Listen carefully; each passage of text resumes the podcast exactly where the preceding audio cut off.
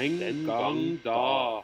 Hei, hei, hei, hei, og velkommen til Den gang da, denne fantastiske historiske podkasten der vi snakker om historie, da. Tre historielærere som eh, snakker og diskuterer historiens lange løp. Eh, Jeg heter jo Henning Mortensen, og med meg sitter Hans Rosvold Hontvedt og Jørgen Lie. Velkommen, velkommen, velkommen. Thank you. Thank you. Du har lært deg navnet våre. Etter hvert. Ja. Jeg har dem skrevet ned et sted. Nå har de skrevet ned et sted. Ja. Det setter jeg veldig pris på. Men men, Hyggelig å se dere. Eh, Vi er jo godt i gang med skolen, vi nå, og er jo lærere som jobber aktivt med lærergjerningen vår. Godt i gang. Og da. Er jo vi i gang også med denne eh, altså Kall det sesongen, eller hva du vil, hvor vi snakker om den nye læreplanen i historie. Og dette er jo kanskje for spesielt interesserte eh, som skal opp til eksamen i den nye læreplanen. Eller er skal, lærere. Eller er lærere som skal eh, bruke den i sitt eh, arbeid. Er vi Men- spesielt interesserte? Eh, på mange måter. Ikke spesielt interessante, i hvert fall. Nei.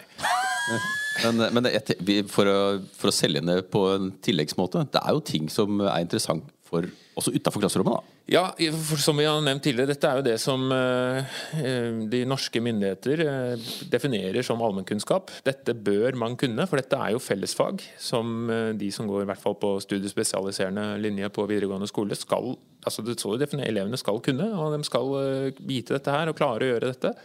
Så da er jo alle eventuelt voksne mennesker som lever livet sitt, eh, bør jo Nå er vi litt sånn eh, moraliserende. Ja, Dette ja, bør dere kunne. Det bør jo det. Ja, men det, det, har man hørt. Det er. Det er vanskelig å slippe unna i sosiale sammenhenger uten å kunne diskutere hvordan mennesker har brukt naturressurser og skaffa seg mat opp gjennom historien. Ja. Så det er jeg enig med Udir der. På, ja, på de type fester vi var på Ja. da vi var studenter, så var det helt eh, avgjørende for å ja. Det fremstilles som at du var på fest da du var student. Men Ja, ja. hvis vi, skal, eh, hvis vi skal se på læreplanen i litt eh, større kontekst, så handler det jo om eh, å se linjer, som du sier. Ja, ja. Dybdelæring er jo et sånt uh, hurraord som nå er veldig fint.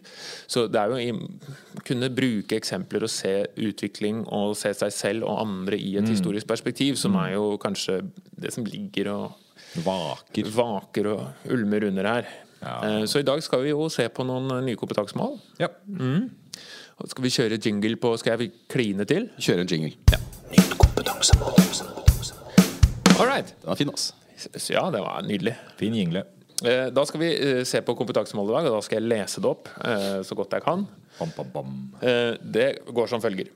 Eleven, eller Mål for opplæringen faktisk. Opplæringen er at elevene skal kunne beskrive samfunnsendringer fra antikken til tidlig nytid og vurdere betydningen for fordelingen og legitimering av makt og menneskers mulighet til demokratisk deltakelse. Det er heftig. Det er en lang setning.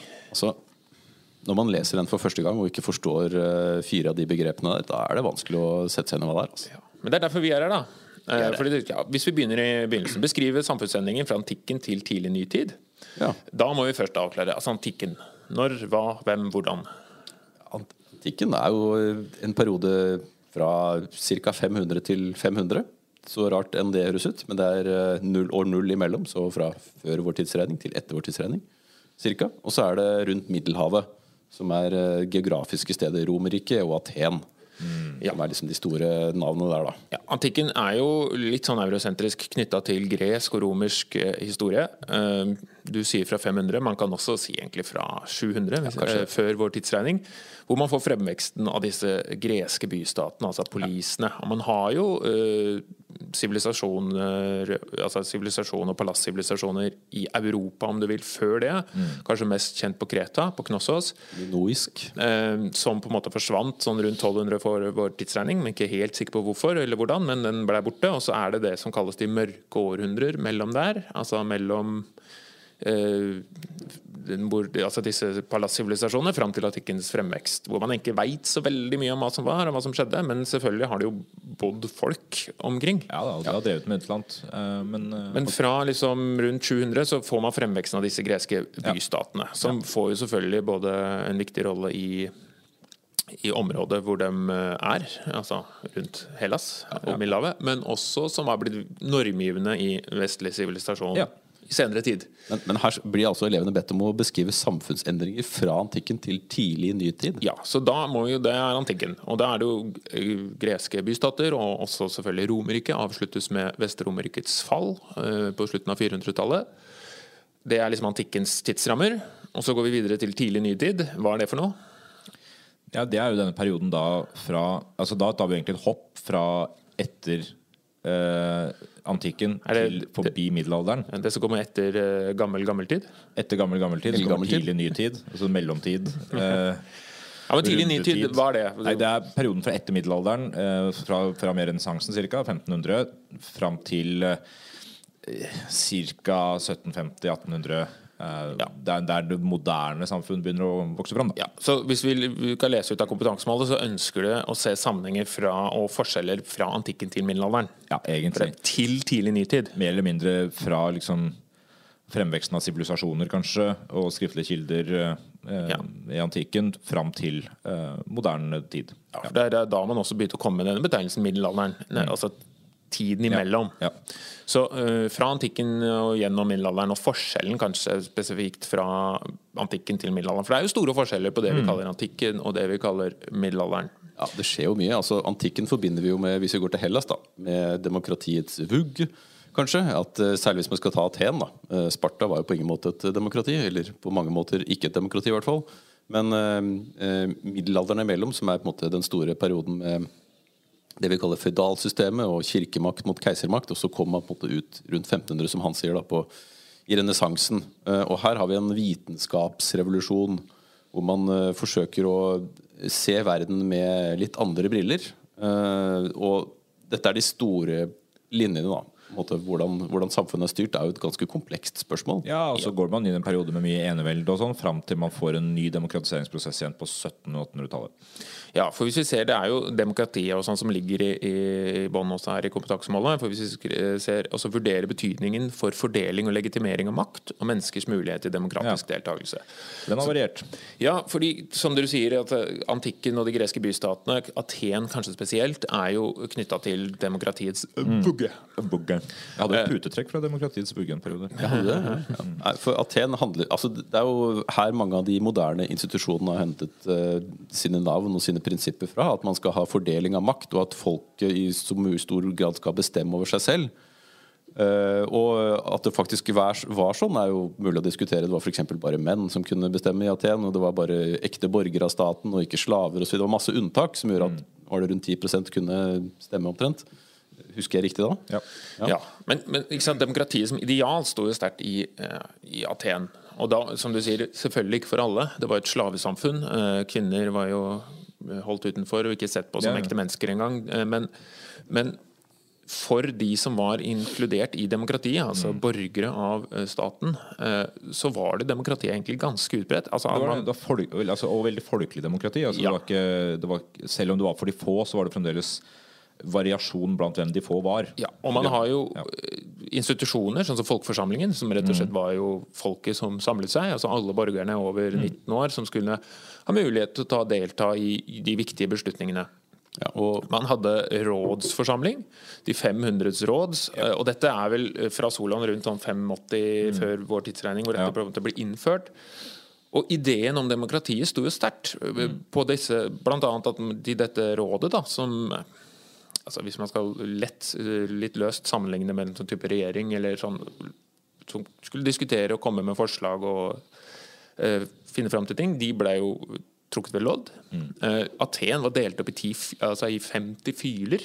Fylker. Altså, ja, ikke sant? Hvor, hvor man skulle ha en del innland, en del byland, en, eller territorium, en del kystland, nettopp for at det ikke skulle være liksom, Senterpartiet Det altså, er også logikken bak. Viken, er det ikke det? det er logikken bak jo, det er så spredning. Så demokratiet som institusjon, som idé, var veldig sterk. Nettopp fordi at alle skulle føle seg inkludert, og alle skulle Eller ikke, ikke sånn emosjonelt føle seg at man ble tatt vare på, men i den forstand at da kan man også være med i krigen. Fordi demokratiet er jo knytta til strategien man hadde når man kriga, nemlig hoplite-offlansene, og at man skulle stille med militærutrustning. Og borgerne var også soldatene. Ja. Så for å få soldatene til å gidde å slåss, så tenkte man da må de ha mulighet, men også ønske om å delta.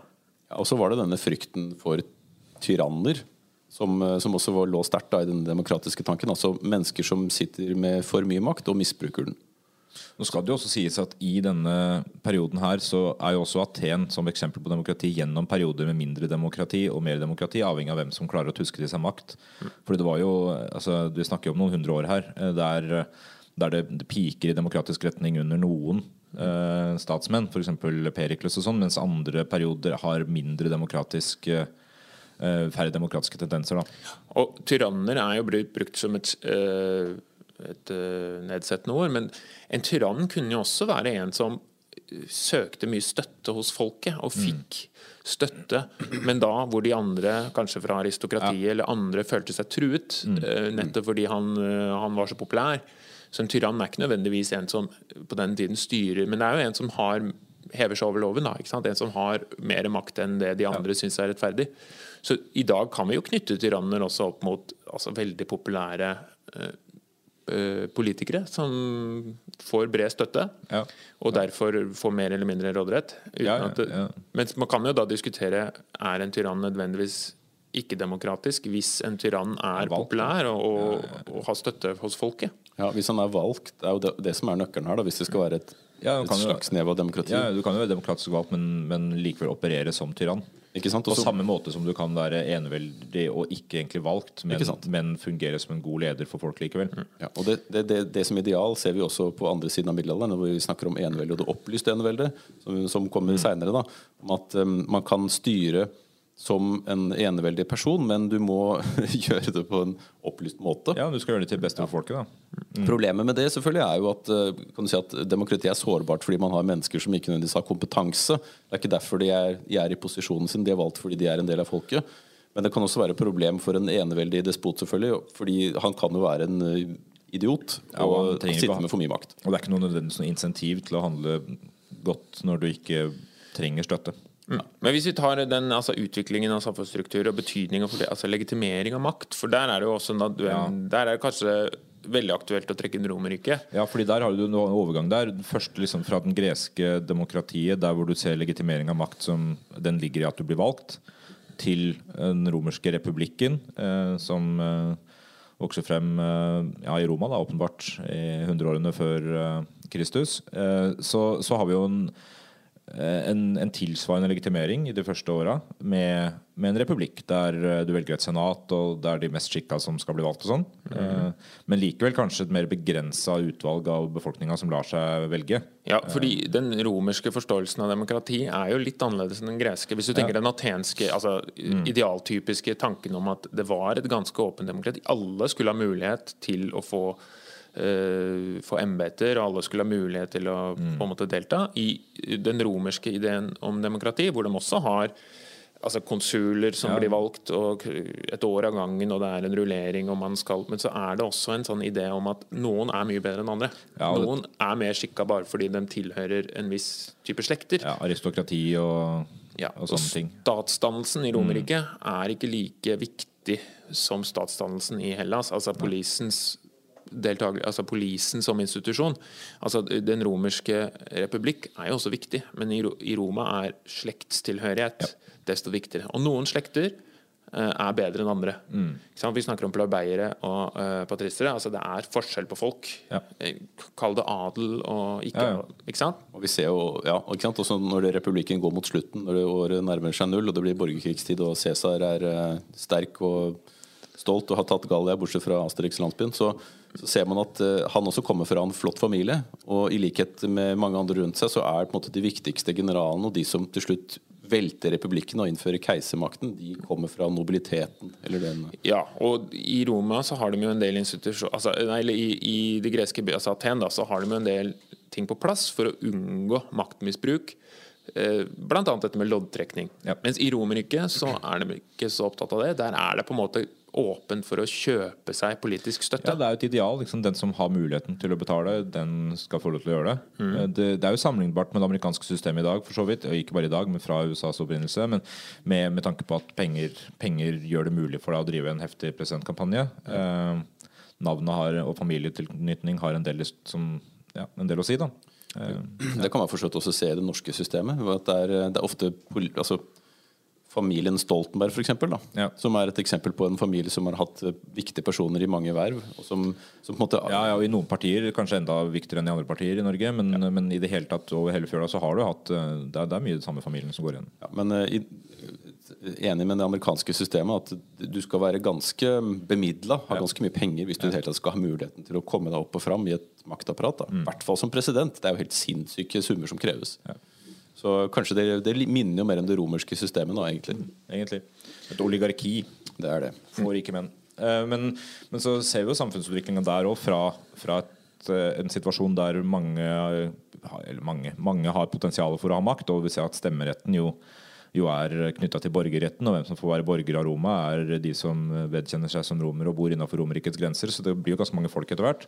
Men hvordan man etter hvert da også går over til et keiserdømme, eh, som jo plutselig blir en ganske markant endring, i hvert fall etter hvert. I begynnelsen så, er opp, så fortsetter man jo senatssystem, og, og du, du har stemmerett og sånn, men, men så blir det mer og mer eneveldig etter hvert, og du går egentlig inn i en helt ny periode i historien. Ja, for det er, jo, det er jo også fascinerende altså, som vi snakket om i stad, det å være populær blant folket. Og som I Romerike, hvor det var lov å kjøpe seg stemmer. eh, Og skaffe seg eh, på en måte politisk allierte gjennom bare å være gavmild og raus, enten det var soldater og sånne ting. Ja. Og Julius Cæsar er jo den som på en måte knyttes opp mot Han er ikke den første keiser, således, men han er jo den som på en måte kan jo sies å være han som eh, knuser republikken. Ja, ja. Ved at han eh, som en eh, mektig hærfører ønsker å fornye sine konsulater og på en måte få ny mer makt, mens de andre eh, altså de andre fra aristokratiet, de andre politiske mektige mennene sier nei, nei, nei, nei, dette er ikke lov, og det blir jo en borgerkrig. Eh, Hvor han får med seg sine folk, og han er veldig populær. Han er en som folk vil ha. Mange, da. Og så er det jo noen som støtter noen andre, selvfølgelig, og må gjøre det fordi det er dem som betaler eh, regningene deres. I den forstand hadde man regninger. Ja, det hadde man helt sikkert. Man skyldte folk penger, antageligvis. Men, ja, men han gjør seg jo til diktator. Og det, er, det er jo kan jo sammenlignes litt med tyrann, eh, tyrannrollen i, i Ja, diktator i altså I Romerike er jo en formell eh, posisjon hvor, hvor man for et halvt år av gangen får enemakt. Rett Mm. og slett fordi man ser på demokratiet som for, for ineffektivt Ja, når det er kriser. Så i krisesituasjonen så, så gir du makta til én person. Ja. Forskjellen er at uh, han Julius Cæsar gir seg selv den makta og sier at han skal beholde den uh, ut livet. Det blir jo ikke så lenge, da. Uh, Big mistake. for- Fordi han blir drept. Eh, Hvis, vi- da kan vi altså hvis jeg får lov. Uh, altså Makt. eh, Hva er makt, da? Kan begynne med det? Spørre, stille dere spørsmål før jeg gir dere fasiten. ja, det kommer litt an på, men noen hevder jo at det er evnen til å få folk til å gjøre ting de i utgangspunktet ikke ville gjort, uten at du får dem til å gjøre det. Ja. Eh, og så kommer det litt an på hva slags makt det er snakk om, for det finnes jo forskjellige typer makt. Ja. Og makt, makt er jo, kan jo være basert på mange forskjellige ting. Da. Det kan Ja. være basert på personlighet, det kan være basert på institusjoner. Ofte er det en blanding av disse her. Da. Ja, så Hvis vi skal trekke inn litt eh, altså Max Weber, da, sosiologen, som definerer altså, tradisjonell makt, som er makt definert bare sånn Sånn er det bare. Min familie eller min institusjon har levd så lenge at uh, man slutter å stille spørsmål med hvorfor det er sånn. Og det er jo på en måte kongehuset. Ja, og patrisiernes makt i Roma. Ikke sant? Altså, sånn er det. Sånn er institusjonene. Sånn er tradisjonen. Tradisjonell makt. Ja. Eh, Men så kan du også kalle det som kalles karismatisk makt, Mm. som Julius Cæsar kanskje er et uttrykk for. At en sånn eh, messiasfigur som sier at 'jeg er den som kan løse alle problemene'. Ikke sant? Og det kan man jo trykke opp, med- eh, knytte opp mot Napoleon, eh, Donald Trump, eh, for den saks Hitler, som sier at 'jeg og min person, min karakter, er den eneste som kan løse alle disse problemene'. Så derfor er det jeg som må få beslutningsmyndigheten. Og folk kjøper det, fordi det er karismatiske folk som klarer å overbevise. Kan, du, kan du trekke den parallellen også til det norske samfunnet, da? Som eh, vikingtiden i stor grad er basert på? Altså at De norske vikingkongene, også før middelalderen i Norge, er jo basert på mye i star personlig makt. da som, som også forsvinner når folk dør. Ja, og Før på en måte kongehuset blir etablert som en institusjon, så må jo de som ønsker å pårope seg kongedømme, må jo bruke den Og politikere i dag òg er jo nødt til å si at stem på meg, fordi vi og jeg er den som kan gjøre dette. Men dette er den makt, ja. karismatiske makten. Og så har du det som kan kalles altså, byråkratisk eller strukturell makt, som er rett og slett Man får makt for sin rolle i systemet. Som jo er et slags demokratisk ideal ved at de mest egnede til å opprettholde en eh, stilling, kan ha en posisjon. Så oss som lærere har jo en grad av makt, men det er jo ikke fordi vi er så fantastiske eller eh, det er sånn det er bare fordi det er sånn. Det er jo fordi vi har en rolle i, en, et, i et system. Ja, ja. Så, men um, hvor langt skal vi trekke de linjene her, da? Altså, hvis, hvis man skal si noe om fra antikken til tidlig nytid, så er det en periode som heter middelalderen imellom her, da. Ja, for vi må jo da fra ikke sant, keiserdømme Det varer jo lenge. Var jo lenge, ja. Eh, Ja, det varer lenge. Eh, Og når det går i oppløsning, så går man inn i det man kaller middelalderen. 400-tallet etter Kristus. 400-500-tallet. Og da ser vi hvordan alle disse tradisjonelle strukturene da går i oppløsning. Eh, hvis vi primært forholder oss til Vest-Europa, da. Eh, eller Vest-Romerike. Ja, for Øst-Romerriket Eh, består jo ja, som keisermakt. Men, men da har du det eneveldige keisermakt der, sånn at det blir en annen type eh, enn en de antikke. Men, men du har, eh, du har en helt ny samfunnsstruktur i Europa som fører til en del omveltninger der, med folkevandringer, mer ansamlinger av små grupper som etter hvert utvikler seg til å bli små kongedømmer, men kanskje knytta til det du nevnte i stad, Jørgen, føydalstruktur. Eh, Der du har en Game of Thrones-lignende samfunnsstruktur med én på toppen eh, som sprer makta si nedover til eh, stadig større eh, Mindre mektige, men flere og flere enheter. Altså En sånn form for konge, og så noen vasaller, eller kronvasaller, og så noen riddere, og så litt sånn bønder til, i bånn. Der hver hver enkelt eh, del av dette systemet stort sett bare har en nærhetsrelasjon til de rett over. ikke sant? Så Bøndene har ikke så mye med kongen å gjøre. De, de forholder seg kanskje mest til den som er rett over dem i systemet. Den klassiske pyramiden, da, hvor, hvor man, hvor man eh, hele tiden er avhengig av leddet over eller under. Mm. Altså, og det er basert på også ganske personlig makt. At man, eh, at man har mm, sverget troskap. At ja, jeg velger å følge deg mot at jeg får noe tilbake. Og så er, Mm. For så er det en ja, byttehandel det er en ensidig avhengighet der. ikke sant? Du får bøndenes støtte, og du får bøndenes uh, ressurser mot at de får beskyttelse av deg, f.eks. Ja, fordi det som også skjer en viktig skifte i middelalderen, er jo at krigen, krigingen blir mer eh, blir mer sånn borgerskap Eller ikke borger, altså mer overklassefenomen. Ja, ridderne. Ja. Fordi man får riddere, man får altså, man får rett og slett det å drive med krig blir kostbart og dyrt, og man får det de som er på toppen. Så adelen, hvis man skal bruke den altså, Du har adelen, de som slåss, og så har du de geistlige, de som ber, og så har du liksom bøndene, de som arbeider. Og bøndene oppi dette her blir jo også ufrie. Deres rolle i krigen blir altså massene Ja. eh, som, som soldater da, blir jo ikke så viktig. eh, Selv om de selvfølgelig alltid har vært med og gjort det de kan. Men massenes rolle blir jo mest selvfølgelig å lage mat. Eh, altså bøndene lager mat til sine føydalherrer. eh, og Som kan si at ok, dere må lage mat til oss, så skal vi beskytte dere.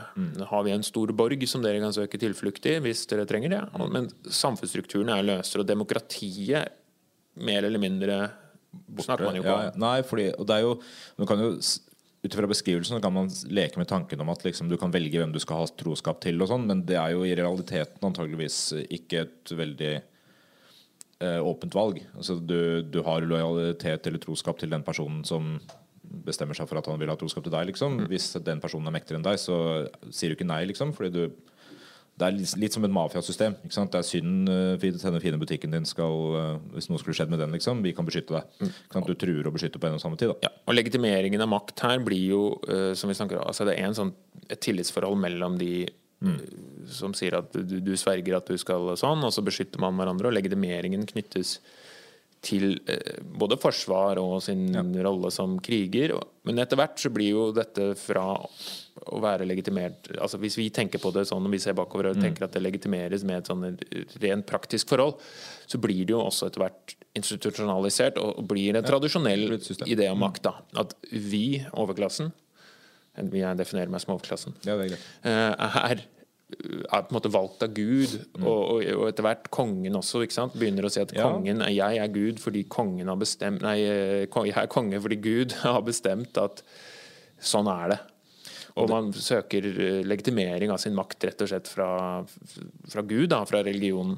Det er praktisk. Og selv om man har tendenser på en måte i renessansen i Italia og sånn, til, til republikker og mer demokratiske eller oligarkiske systemer, så ser man jo ganske kjapt en overgang der man får etablert sånne såkalte territorialstater, der det blir tydeligere grenser mellom faktisk eh, land, da, sånn som vi i dag ser på som nasjonalstater, der du ender opp med at føydalstrukturen går litt i oppløsning, og du har én konge som, som styrer over hele området. Eh, og som da etter hvert blir eneveldig, og som du sier legitimerer makta si med at han er utvalgt av Gud og er Guds stedfortreder. Ja, og i, i Norge er jo denne her, altså dette overgangen vikingtid-middelalder veldig tydelig. fordi i vikingtiden, hvor det var mer små høvdingdømmer og noen småkonger som på mange måter må legitimere sin makt gjennom én, at de er gavmilde.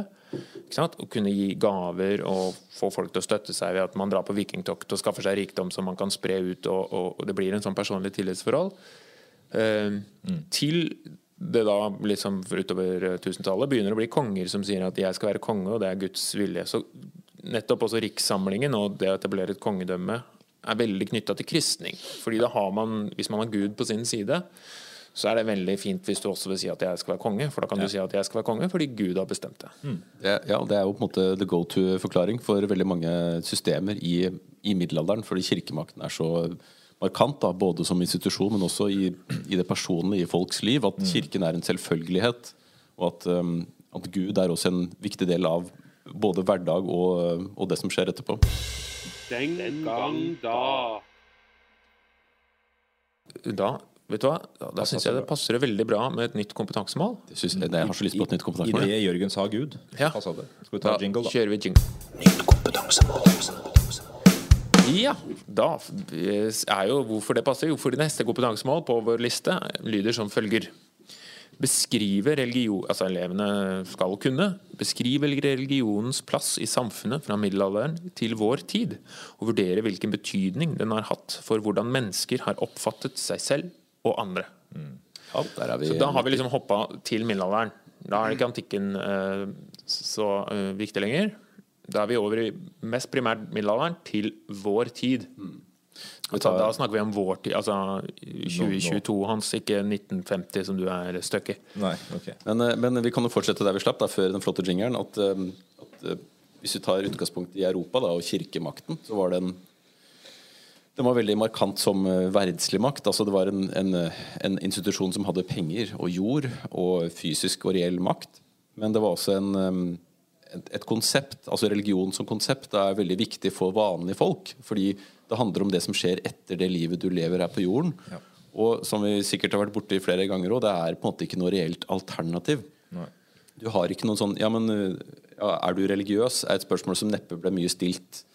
ja, I middelalderen. ja. Fordi, fordi måte det, å, det å tro på Gud er um, er en ganske selvfølgelig ting da, for veldig mange. Det betyr ikke at alle var religiøse på, for ingen, på ingen måte. Ja, men, men, men, veldig mange var det. Eller så var du veldig religiøs. Ja, og og det, det var også en reell frykt for hva som skulle skje etter at det livet her var levd. Så derfor prøvde du å leve, hvis du var religiøs og trodde på Gud, at du, du prøvde å leve livet på en sånn måte at du sikra deg da, etter at livet var ferdig. Ved f.eks.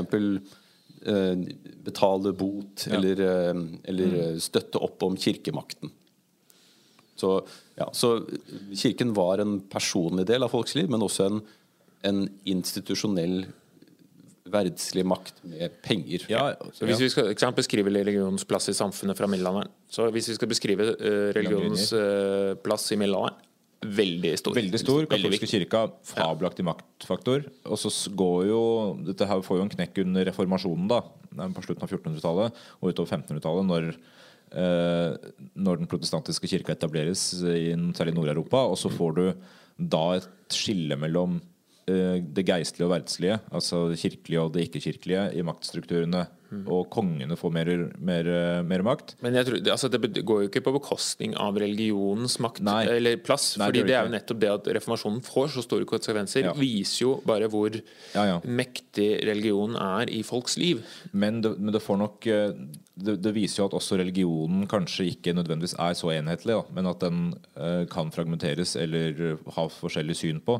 Og så kommer det selvfølgelig samtidig som en, eh, en vitenskapsrevolusjon og en, eh, en fremvekst av nye ideer som, som også etter hvert begynner å eh, gå på bekostning av de gamle religiøse trosforestillingene. Så vi ser at religionen mister gradvis mer og mer makt framover eh, på 1600-tallet, ja, i hvert fall 1700-tallet og 1800-tallet.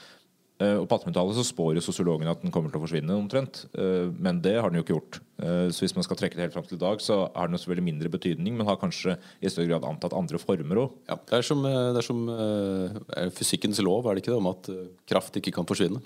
At eh, den går, Der er det går over i andre former. Altså, fordi religion blir mer fragmentert altså den, og mindre institusjonalisert. Det er som, det er som energi, ja. Ja, ikke sant? Energi, unnskyld. ja Jeg er Ja, ikke ikke fysiker, heldigvis. Men, eh, men eh, det er ikke nødvendigvis sånn at en kirke bestemmer hvordan folk skal tro. da Mm. Folk kan velge ut mer sin egen form for tro. Ved å, I Norge. Ja, Ja, ikke, ja, og det er et poeng da Fordi det, Nå snakker vi fra vårt perspektiv. I store deler av verden så er jo religionen forholdsvis institusjonalisert, institusjonalisert fremdeles. Her så ser vi de nyreligiøse konseptene som uh, i, i Vesten har uh, ja, mange i Vesten har omfavna de siste 50-70 åra. Og det, det har jo noe å gjøre med at religionen for mennesker har en betydning uavhengig av hvordan samfunnet for øvrig har utvikla seg.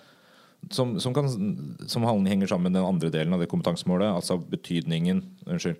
Skal vi se. uh, Betydningen det har hatt for hvordan mennesker Der, ja. oppfattet seg selv og andre. Ja, fordi hvordan du oppfatter deg sjøl, preges jo veldig av det livssynet du har. Altså Menneskesynet i religionen preger også hvordan du ser deg selv. Så Hvis du ser på hvordan man i middelalderen så på hva et menneske var, da, og hvordan det også påvirka hvordan du så på deg selv, så ser du deg selv stort sett i lys av, at, i lys av Guds storhet eller i lys av Guds skaperverk. Du er, du er ikke nødvendigvis et menneske med, egen, med iboende egenverdi uten at du er en del av Guds skaperverk. Det her, det her får jo en endring gjennom humanismen og sånn, som også endrer hvordan det kristne synet på mennesket er. Ja, men det som er liksom, hvordan du ser på deg selv og andre I dag så er jo religion egentlig, altså i Norge da, i dag, en privatsak. Ikke sant? Det er jo ikke det første vi spør om hva tror du på. Eh, vi spør hva driver du med, og så snakker vi om jobben.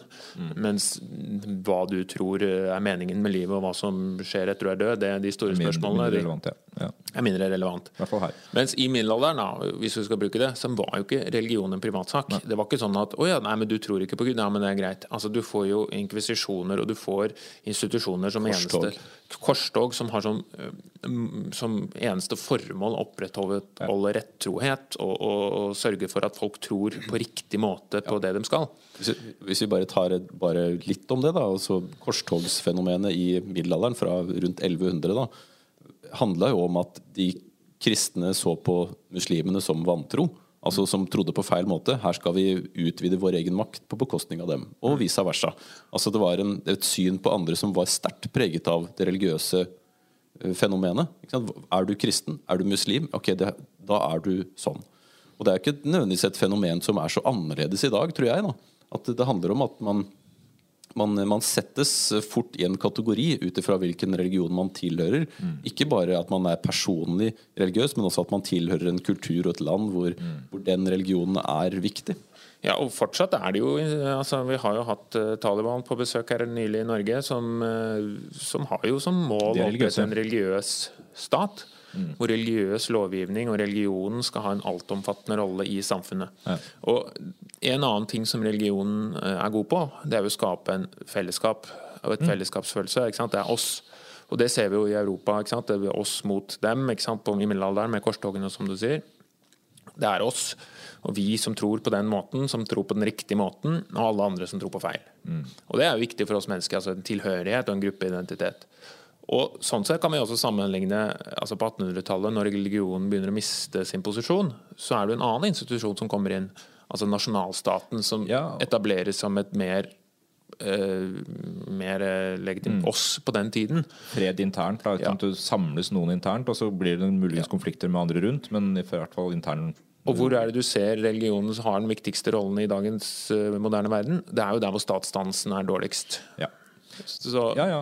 Det, jo- altså, det vi kan kanskje se, da, er jo hvordan eh, altså For den delen av kompetansemålet som handler om uh, hvilken betydning religion har hatt for mennesker uh, og samfunn, så, så ser du hvordan religionen har, i alle tider, egentlig også før middelalderen, har bidratt til å skape en annen form for struktur. Uh, en form, den har vært knytta til lovverk, den har vært knytta til binder jo mennesker sammen. Ikke sant? Og, og skapt Det er mye negativt å si om religion, men, men det er ikke til å komme unna at institusjonene har skapt strukturer og, og levesett i samfunnet som har vært mulig å følge for veldig mange, Ja. og holdt mennesker sammen, som du sier. Og, og ikke sant, kan man jo si, kan man jo si at ja, men religion, alle altså, dem er jo de mener jo godt. på en måte, altså Alle religioner har jo stort sett et godt utgangspunkt. Ja.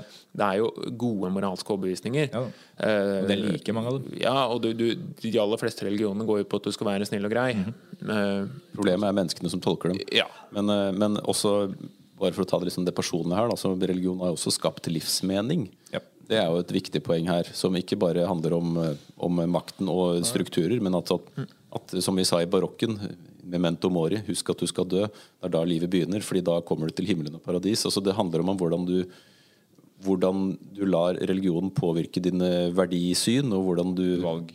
gjør dine valg her i livet, har betydning etterpå. da så, så det er klart det er, det, er, det er omfattende påvirkning som religion har hatt også på, på de helt dagligdagse konseptene om hvordan du skal være som menneske.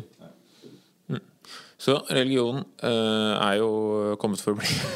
Jeg lurte på om du skulle ta den. Nei, men altså, det, er jo, ikke sant? det å oppfatte seg selv og andre, det er jo identiteten da, ikke sant? knytta veldig til det er, det er oss. Og så kan man eh, være åpen og imøtekommende og si at eh, ja, men andre kan tro hva de vil. Og så har man jo ikke alltid opp gjennom historien eh, vært så raus at man sier at å ja, du tror på den måten, ja, men jeg tror på den måten. Ja, men det er greit. Men så er jo der vi prøver å komme i dag, med religionsfrihet og åpenhet. At man skal, skal kunne tro på hva man vil. I USA så er det jo, der er det jo 1000% religionsfrihet, og det er skille mellom religion og stat og sånt, så, så der er det jo ikke noe problem for eksempel hvis presidenten er muslim. Nei. Ja, er du ironisk nå? Jeg er ironisk nå. fordi, ja, fordi, det er, eh, fordi det er noe med, med institusjoner og lovverk som ikke nødvendigvis stemmer overens med den allmenne oppfatninga i befolkninga.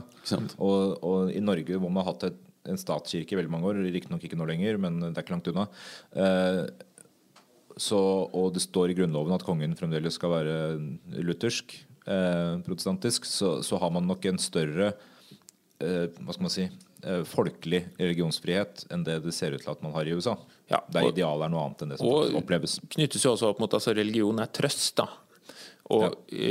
ikke da. Men i Norge, hvor man har det ganske godt, vil jeg tørre påstå, sånn rent materialistisk i hvert fall, så har man ikke Kanskje behovet for religion er litt mindre. For man trenger ikke nødvendigvis å søke trøst i noe som Ja, eller kanskje det kan også gi motsatt effekt. At eh, det materielle gjør at, eh, at ting blir overfladisk. Og at kanskje religion også da er Men, hva, men, en dypere mening. Men da kan det hende folk søker etter annen type religion enn det tradisjonelt semittiske som har vært vanlig her før. Ikke sant? Man søker til østlige religioner og mer den type filosofi som kanskje handler mer om Uh, hva, du, hva du selv skal, kan gjøre. Selv om, de Selvutvikling. også, selv om de også har en sosial dimensjon som man kanskje glemmer litt da, i, i Vesten. Men at man sø søker til de der. Da? At det handler om meditasjon og chakraer og yoga. Pilatesballer eller hva det er man driver med. Nå, nå later jeg som jeg kan mindre enn jeg kan. Bare så det er sagt. Det er en artig måte å si det på. Ja, for religion gir jo også leveregler og, og på en måte moral. Men det, det har jo vist seg at det går jo an å være moralsk uten å være religiøs.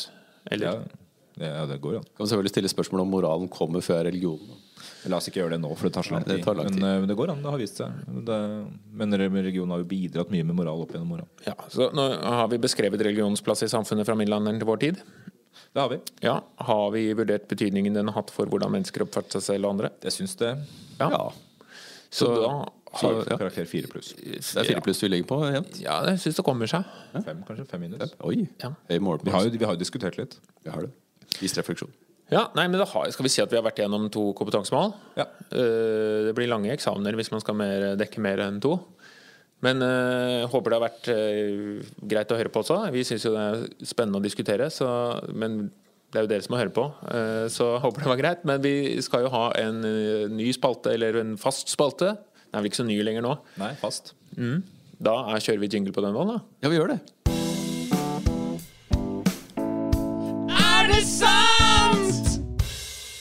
Ja, er det sant? Eh, jeg spør dere. Dere har jo har dere, Hva er forholdet deres til eh, nipple piercings? Øh. Eh, jeg har ikke det. Jeg har hatt piercing et sted i ansiktet. av- I Ja, for det der det har brystvortene i ansiktet. Nei, jeg har ikke hatt brystvorte, det var det jeg sa. Nei, men jeg har hatt det i ansiktet. Ansiktet, ja. Så forholdet mitt til piercing er jo ganske intimt. Men det, der har jeg ikke hatt, nei. Nei, ikke jeg heller. Har du? Nei, jeg kjente en type som het Per Sing en gang, men han var ja, vi, vi skal Jeg skal spørre dere. Uh, var eh, Er det sant at piercing, brystvortepiercing, gjerne med sånn én i hver brystvorte og så kanskje også i navlen, og så lenka sammen og greier, om det, at det, er det sant at det var populært under Victoria-tida? Ja, Er det en uh, allmenn myte? Jeg Nei, jeg hørt. sier ikke at det er allmenn, jeg bare spør dere. Hva Jeg, jeg, jeg kan ikke tenke meg at det var populært. Eh, altså, Det er veldig rart å stille det spørsmålet med mindre det har noe råd til virkeligheten. For jeg har aldri hørt om det er det. sånn det skal... Fleip eller fakta? Jeg Fleip eller tenker, jeg tenker fleip. Ja, jeg er jo redd for eh, infeksjoner og betennelser. De var jo ikke så gode på det den tiden. Eh, Barnedødeligheten var jo fortsatt høy. og Flis i fingeren. Amputasjon. Ja. Så derfor tror jeg det var sant. Litt spennende. Det er gøy å leve litt. Det Ja, Siden han sier ikke sant, så tror jeg det var sant. Ja, da må jeg gi den til Henning.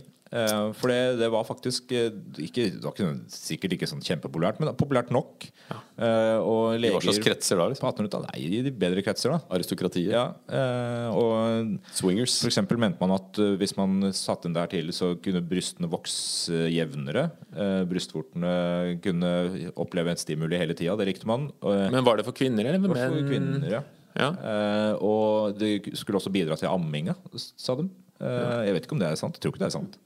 Men at det kunne bidra lettgjøre amminga. Eh, tradisjonen går egentlig tilbake til eh, eh, det 14. århundre, da dronning Isabella av eh, Bayern introduserte kjoler som gikk helt ned til navlen, og du da også hadde brystvorter med sånn lenker og sånn, sånn at det skulle synes litt. Altså, det, det var overraskende frivolt i forhold til hva vi ser i motsetning til hva vi ser på fortida som. Men at man hadde, kvinnene hadde kjoler som, eh, som viste omtrent halve brystet. Så dette er tida vi skulle levd i, gutter. nei, det, nei, unnskyld. Jeg trekker det tilbake. Ja, ja nei, men eh, da var det Sjekk kunnskap. Ja. Da vet vi det. Altså, det er jo, historien er jo full Av av piercinger? Piercinger og tattiser og sånt. ja. ja, men supert. Da vet vi det. Det var sant. Da sier vi takk for nå.